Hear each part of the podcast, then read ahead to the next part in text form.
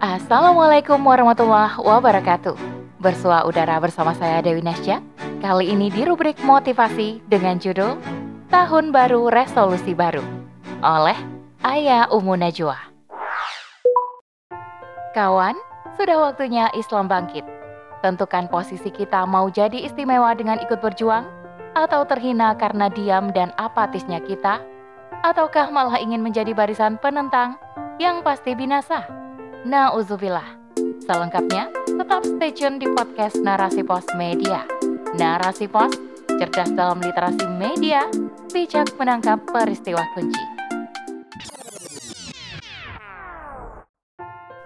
Tahun 2023 telah bertandang. Tandanya waktu terus melenggang.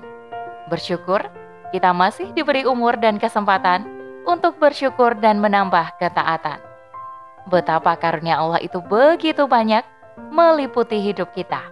Bahkan, tanpa karunia-Nya, kita tak akan ada di dunia ini. Tak mampu memandang indahnya ciptaannya, tak mampu mencintai keluarga, dan tak mampu mensyukuri nikmatnya.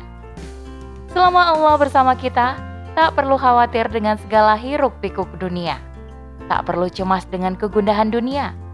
Jika burung saja dipelihara dan dicukupi olehnya setiap hari, tanpa harus ada campur tangan manusia yang memeliharanya, mengapa kita harus resah dalam hidup ini?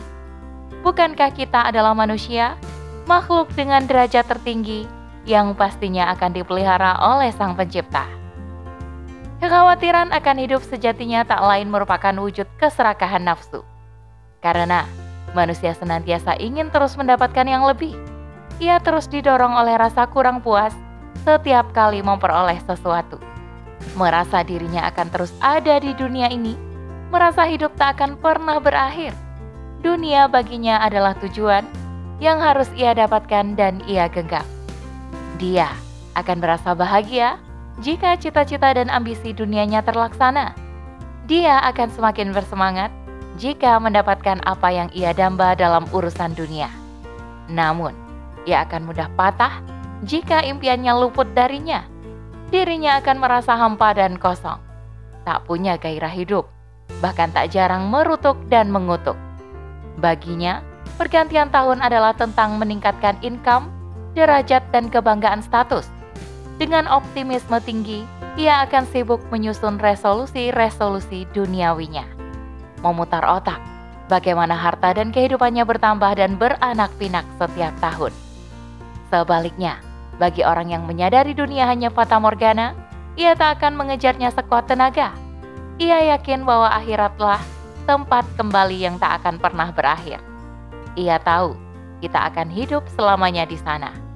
Ia akan menjaga dirinya selalu optimis dalam meraih kebahagiaan akhirat. Ia tahu bahwa orang yang optimis ialah orang yang mempunyai ketaatan dan menegakkan semua yang dituntut oleh keimanannya.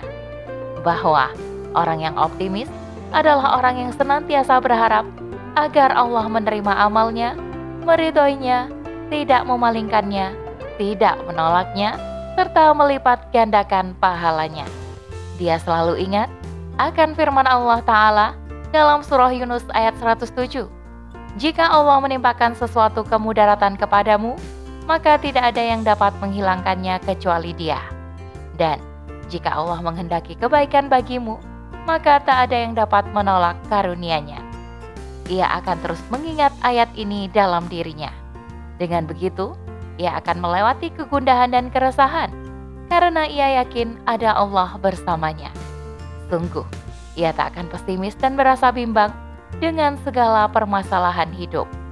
Karena ia sangat memahami bahwa sikap bimbangnya akan membawanya pada sikap tidak percaya diri, lemah, mudah patah, dan menyalahkan orang lain, bahkan tak jarang dapat mengurangi kadar keimanannya kepada Allah Subhanahu wa taala.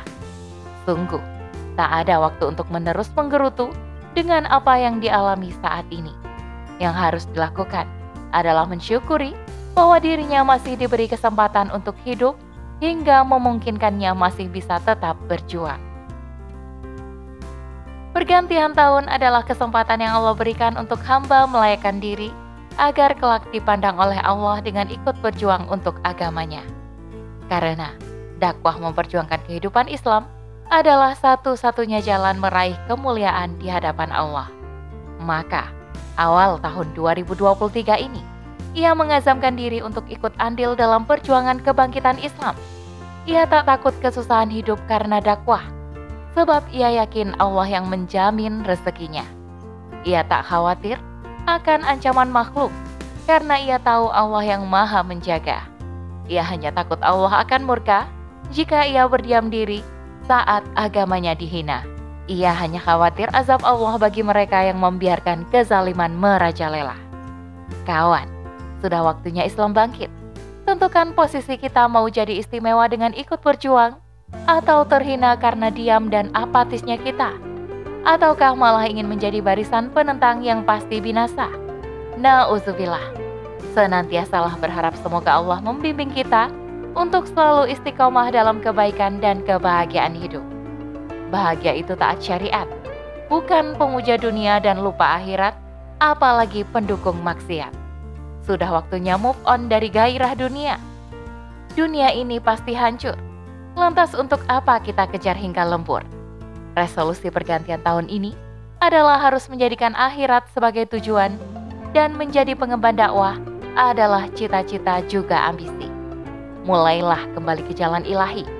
Cari kelompok dakwah yang ikhlas memperjuangkan Islam, yang tak mudah tergiur dengan iming-iming dunia.